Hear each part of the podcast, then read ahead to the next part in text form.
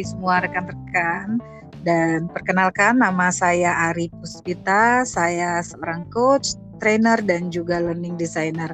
Nah, di sini saya nggak sendirian. Saya ditemani oleh seorang coach juga. Ya, beliau adalah seorang coach, professional trainer dan juga seorang konsultan HR. Halo, apa kabar Kak Hakim? Eh, Coach Hakim, ya. Selamat pagi, Coach Ari. Apa kabar juga? Sehat ya? Sehat, Alhamdulillah Coach. Gimana Coach? Uh, pagi hari ini kita mau ngobrol-ngobrol sebentar, boleh ya Coach ya? Boleh Coach Ari dan kebetulan memang aku lagi ditemani dengan kopi dan juga roti dan senang banget kalau oh, misalnya diajak ngobrol. Udah lama kita nggak ngobrol soalnya kan? Iya betul banget. Nah kebetulan kan memang agendanya kita hari ini Coach kita akan membahas uh, tentang bagaimana kita uh, membuat sebuah problem solving dan juga decision making. Iya nah, betul. Sambil ada kopi tadi ada roti ya kan saya juga kebetulan ngopi juga Coach. Ya kita sama-sama ngopi nanti uh, nikmatin kopinya dulu sambil kita ngobrol. Nah, coach, uh, topik yang akan kita bahas uh, Coach Hakim. Ini yeah. terkait dengan sekarang ini kan sudah mulai musim musim hujan ya Coach ya. Dan yeah, pastinya yeah. kan ada ketakutan dari setiap orang itu ngadepin hujan itu aduh banjir gitu. Nah, coach Hakim sendiri gimana nih coach? Karena kan uh, kita udah mulai boleh keluar kota dan sebagainya. Udah ready belum nih untuk uh, aktivitas keluar kota di saat tengah-tengah hujan kayak gini coach? Aku sebenarnya sih oke okay aja ya mau ya kalau uh, uh, keluar kota. Cuman ya kadang-kadang gini Coach Ari, aku tuh kadang suka khawatir ya. Khawatirnya apa? Karena kalau aku tinggal keluar kota tuh daerah sekitar rumah tuh banjir gitu Kak Ari. Nah oh, ini aku jadi bingung juga nih, selalu jadi kebingunganku setiap tahun ini sebenarnya apa sih gitu yang menyebabkan banjir. Aku tuh udah ngajak orang-orang di sekitar sini untuk ayo kita bersih-bersih, ayo kita apa segala macam. Tapi kayak mereka tuh ya udahlah pasrah gitu. Uh, ada pemerintah kok yang nanti akan ngerjain. Toh kita udah bayar pajak kata mereka gitu kan. Uh-huh. jadi aku gemes sendiri ke Ari eh, coach Ari kalau aku mau pergi keluar kota tuh. Jadi jadi kayak gini apalagi musim-musim akhir tahun ya, ya banyak iya, banget hujan dan uh, aku khawatir juga kalau aku walaupun mungkin ada orang di rumah tapi kan ya aku sebagai laki-laki harus siap gitu. Nah, Coach Ari, boleh nggak? Aku juga kebetulan aku diajak ngobrol nih, aku di, di diajak uh, apa namanya di podcast di sini. Kok Ari, Coach Ari kan pernah punya pengalaman kalau nggak salah ya dulu itu ya bagaimana cara uh, problem solving dan decision makingnya seperti apa gitu. Nah pas banget nih momennya aku diajak ngobrol, diajak ngopi, tapi aku juga mau nanya saran nih, boleh ya? Apa gitu nih? Ya? Boleh boleh Coach silakan. ya itu tadi Coach Ari, jadi sebenarnya kalau banjir itu ya, e, memang sini problemnya semua kota gitu, problemnya semua daerah iya. gitu. Nah, Coach Ari boleh nggak sharing sama sharing sama aku sama mungkin teman-teman juga pernah ada yang ngalamin juga di sini. Sebenarnya kalau e, banjir itu apa sih penyebabnya gitu dan bagaimana cara menanganinya supaya kita nggak ya mungkin banjir paling cuma sebentar oke okay lah gitu ya, tapi kalau bisa jangan sampai hmm. lama-lama dan sampai sampai sampai tinggi gitu. Kalau cuma menggenang sih boleh lah. Boleh sharing-sharing ke Ari. Kalau nggak salah dulu pernah Ari juga punya punya case seperti ini dan berhasil gitu. Ya, sebenarnya kan kalau kita bicara banjir ya, coach kalau banjir itu kan sebetulnya adalah hasil ya coach ya. Setuju ya coach ya? Iya nah, benar. Eh, yang perlu kita perlu kita cari tahu terlebih dahulu nih sebetulnya apa sih penyebab akar permasalahannya dari banjir ini. Nah, kalau hmm. kita lihat gini, daerah rumahnya coach eh, Hakim kan dengan saya sebetulnya kita sama-sama ya nggak jauh beda ya coach ya. Mm-hmm. Artinya kan tadi eh, coach Hakim juga sudah bilang bahwa uh, di uh, bingung juga nih mesti gimana lagi gitu. Nah, uh, terbaiknya adalah kita mencari dulu nih akar permasalahan root cause-nya seperti apa sih? Penyebabnya itu apa sih kalau menurut uh, coach Hakim sendiri dari banjir itu? Gitu ya coach. Tadi kan sudah yeah. sampaikan ya udah disampaikan juga nih ke uh, apa orang-orang di sekitar. Nah, kita bisa lihat juga apakah saat kebiasaan-kebiasaan dari orang orang sekitarnya juga sudah diperbaiki, ya kan? Termasuk hmm. dengan habit buang sampahnya, sampah rumah tangganya apakah sudah dipilah-pilah lah gitu ya coach. Hmm. Ya kan hmm. nah dari situ kita juga bisa lihat kalaupun misalnya dalam tahapan pembangunan di daerah setempat apakah eh, saluran-saluran airnya juga sudah sama-sama dipersiapkan apalagi di musim banjir seperti ini coach. Nah, harusnya itu tuh. iya kita udah mulai kita udah mulai aware ya kan. Jadi kalau kita lihat banjir itu adalah sebuah hasil sih sebuah hasil dari ya, apa yang uh, terjadi. Benar Betul. Ya, lama-lama kalau didiem didiemin akhirnya jadi ya kayak gini ya. Jadi Semua orang begini. nah, dampaknya. Betul. Nah, kan kalau kita lihat nih kita pernah uh, bicara banyak sekali sebetulnya kalau kita mau uh, membuat uh, problem solving yang terjadi ya coach ya. Uh, misalnya hmm. dengan yang sedang kita bahas. Metode-metodenya banyak juga ya coach. Ya bisa kayak kita lihat tuh kayak di fishbone ya. Kalau kita lihat di situ coach. Uh, hmm. Kalau ikan itu kan kepalanya ikan itu adalah hasil hasilnya ya coach ya. Misalnya yeah. ini iya. banjirnya. Yeah. Nah, iya. penyebab dari banjir itu sendiri macam-macam. Kalau hmm. kita lihat dari uh, metode fishbone sendiri, itu kita kenal dengan yang 5M-nya lah, coach. Pertama itu kan hmm. kan yang paling uh, penting itu adalah tentang men-nya. Nah, bagaimana uh, persiapan dari kita-kita nih sebagai people-nya, ya kan? Apakah kita sudah mempersiapkan diri dengan uh, kebiasaan-kebiasaannya kita? Ya kan orang-orangnya ini sudah sudah mulai aware belum nih untuk menghadapi banjir? Hmm. ya kan? Iya sudah betul. iya seperti itu. Nah ada ini coach pesanan coach masuk tuh kayaknya. Apa tuh? Iya tadi ada iklan dikit ya masuk ya ada suara-suara bunyi iya. di handphone. Iya, iya karena kita melalui handphone ya coach ya. Inilah uh, enaknya nih uh, sudah IT-nya udah modern banget. Kita lanjut ya coach. Jadi lanjut, tadi Uh, uh, pertama itu ada M-nya itu tentang men-nya. Nah, dan juga di sini ada materialnya, environmentnya, juga metodenya. Nah, apa yang kita lakukan terhadap uh, men-nya sendiri nih, orang-orangnya sendiri? Apakah orang-orangnya juga sudah aware, sudah peduli terhadap lingkungannya? ya terhadap uh, bagaimana mereka membersihkan lingkungan, got-gotnya dan lain sebagainya. Nah kalau environmentnya sendiri itu seperti apa? Nah dicari tahu dulu tuh coach. Hmm, di lingkungannya iya, coach betul. Hakim seperti apa di lingkungannya? Apakah uh, memang sudah dibiasakan misalnya memilah-milah sampah dulu nih? Kadang-kadang kan sampah itu banyak macamnya ya coach ya. Ada sampah ya, rumah betul. tangga, ada sampah plastik, ada yang lain-lain. Nah di dalam rumah tangga di daerah sekitar, kalau di tempat saya nih coach, itu sudah hmm. mulai dibiasakan sampah itu udah mulai dipisah dari di rumah masing-masing coach. Berarti memang sudah sadar ya mereka ya? Iya betul dari dari orangnya sendiri kita sudah uh, sudah menyadari nih bahwa ini nanti kalau kita tidak lakukan dari sekarang nih ya prepare-nya hmm. maka hmm. pada saat banjir ya kita tinggal menikmati hasil istilahnya gitu ya hasilnya banjir dan mungkin penyerapannya jadi lama sampahnya banyak tergenang ya kan seperti itu Coach Hakim. Iya, iya benar. Nah, itu kayak gimana caranya supaya mereka sadar ya, uh, Coach Ari ya, mensosialisasikannya gimana tuh caranya supaya mereka mau. Kadang-kadang mereka kan ini kan orang pekerja semua ya, sibuk gitu. Hari Sabtu Minggu mereka kalau diajak ngumpul tuh susah banget gitu. Ada alasan ini kan hari libur Pak segala macam. Ya, tapi kalau nggak nggak nggak di apa namanya nggak dipaksa tuh mereka nggak mau. Gimana tuh iya, Coach Coach Ari gimana untuk supaya melakukan ini sosialisasinya?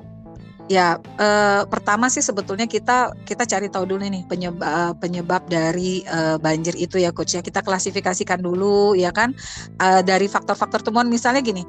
Eh, kalau dari teman-teman misalnya lingkungan mulai dari RT-nya dulu deh dari lingkungan tetangga dulu ya apakah mm -hmm. uh, mereka sudah uh, sudah tahu nih uh, yang harus dilakukan tuh seperti apa? Ya kan? Seperti tadi yang saya mm-hmm. kasih contoh uh, untuk disosialisasikan dulu bagaimana memilah-milah sampah di dalam lingkungan rumah tangga dulu deh coach gitu. Dimulai dari uh, hal kecil dari diri kita sendiri. Dari misalnya eh, mohon maaf nih coach Hakim di rumah untuk yang eh, bekerja di rumah ya coach sudah mulai bisa memilah-milahnya dulu nih sampahnya untuk dibawa ke mana. Lalu nanti iya, diperkenalkan ke ke tetangga-tetangga kita kiri kanan dan mungkin bisa jadi diadakan pertemuan-pertemuan coach di dalam lingkungan RT-nya dulu tentunya sebelum melakukan pertemuan kita sudah mendapatkan dulu akar persoalannya ya coach ya misalnya yeah. nih Iya, akar akar persoalannya seperti apa? Temuan-temuannya apa nih? Oh, kalau misalnya banjir ini kalau kita lihat oh ada selokan di ujung gang jalan mana itu ternyata tersumbat gitu ya kan? Nah, yeah. itu perlu dianalisa dulu di uh, lingkungan uh, setempatnya. Jadi perlu kita klasifikasikan dulu problemnya itu munculnya dari mana, ya kan? Terus uh, hmm. analisanya problemnya itu muncul karena apa, ya kan?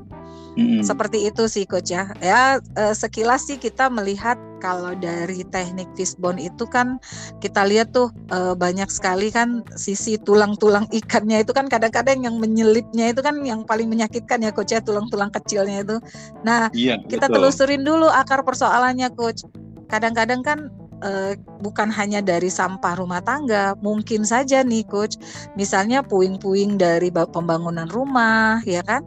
Ya, ya ada lingkungan benar. sekitar kita yang oh ternyata di ujung jalan itu di jalan gang nomor satu itu misalnya terjadi genangannya lama banget penyerapannya. Nah, mesti kita lihat dulu coach seperti apa itu itu itu faktor yang benar-benar saya kadang-kadang prihatinnya gini orang tuh asal bangun gitu ya yang pertama yang yeah. kedua eh, perizinannya itu nggak dilihat apakah nah, di dalam situ di daerah situ ada sumur serapan atau enggak gitu ya.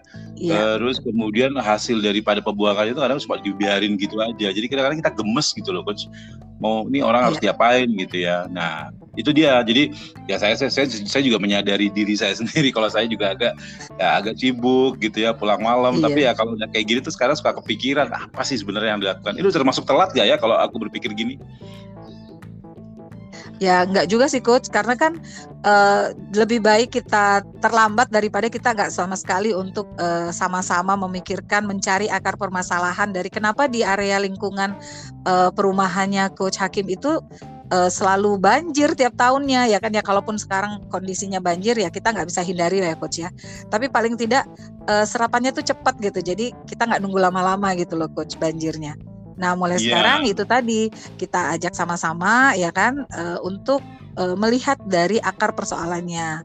Ya, akarnya seperti apa dan kita telusurin satu-satu coach. Pertama kan tadi dari mainnya dulu ya coach ya.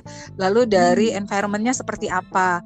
Nah, metode yang sudah dilakukan oleh uh, lingkungan setempatnya coach Hakim seperti apa coach? Nah, itu yang yeah. perlu kita lihat dulu nih dari metode yang selama ini berjalan seperti apa. Apakah memang sudah rutin dilakukan uh, kerja baktinya? Apakah sudah rutin disosialisasikan atau ada tempat pembuangan-pembuangan sampahnya yang memang sudah diklasifikasikan coach gitu. Nah, metode yang digunakan oleh uh, di daerahnya itu seperti apa?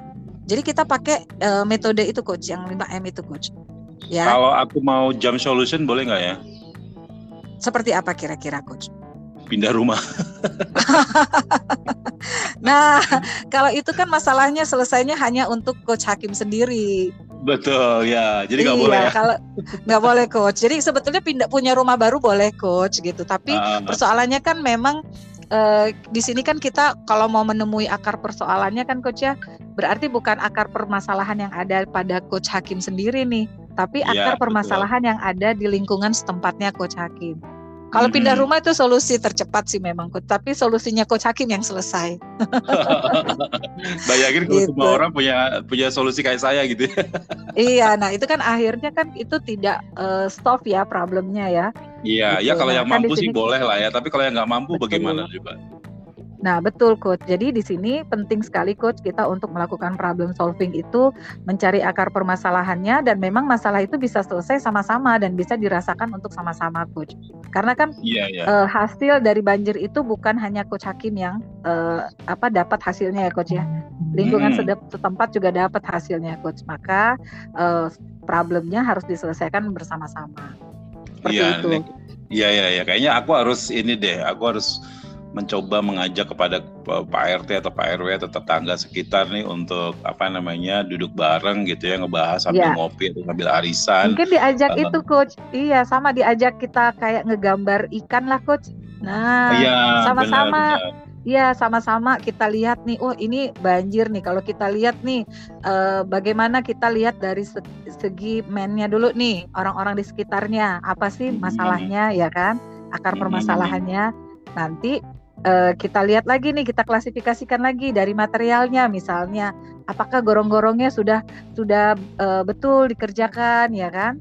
Sudah ya, rapi betul. semua di setiap jalan. Nah itu nanti diajak duduk bareng sambil ngegambar ngegambar kan uh, seru kan coach ya. Lalu nanti iya, kita seru sih, tapi aku lagi. takut nanti kalau aku aku takutnya nanti kalau aku menjelaskan seperti itu, aku dijadiin ketua RT. ya enggak dong, nanti bilang uh, uh, saya akan jadi coach aja untuk lingkungan saya gitu nah gitu coach. Iya iya iya. Iya Atau gitu. gini deh. Nanti kapan-kapan atau aku undang coach Ari main ke rumah gitu ya atau pas di yeah. aku pasin sama kegiatan tersebut nanti biar Coach Ari bisa ngobrol gitu. Nah, nanti aku bilang gini ini ahli banjir nih gitu ya, nggak apa-apa ya? Oh, kalau ahli banjir sih sebetulnya saya nggak ahli banjir, Coach. Tapi kan di sini kita sama-sama tahu ya, pada saat kita menghadapi persoalan, ya kan, pada saat kita hmm. menghadapi masalah, terus hmm. bagaimana kita memutuskan masalah itu uh, selesainya dengan cara apa?